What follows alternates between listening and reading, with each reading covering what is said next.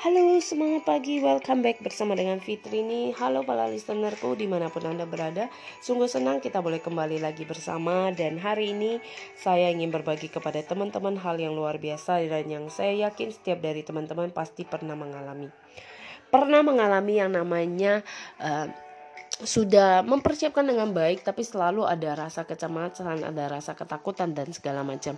Nah, yang saya mau bahas di sini adalah teman-teman, kita selalu uh, tidak yakin dengan diri kita. Apa sih yang menyebabkan seseorang selalu tidak yakin dengan dirinya?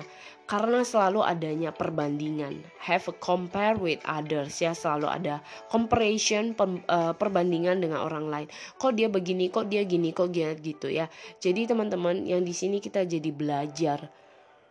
Belajar bahwa setiap orang pasti punya kapasitas kemampuannya, bukan malah membandingkan. Kalau kita melihat orang jauh lebih baik, jadikan motivasi, jadikan sebuah inspirasi buat kita untuk maju selangkah jadi lebih baik.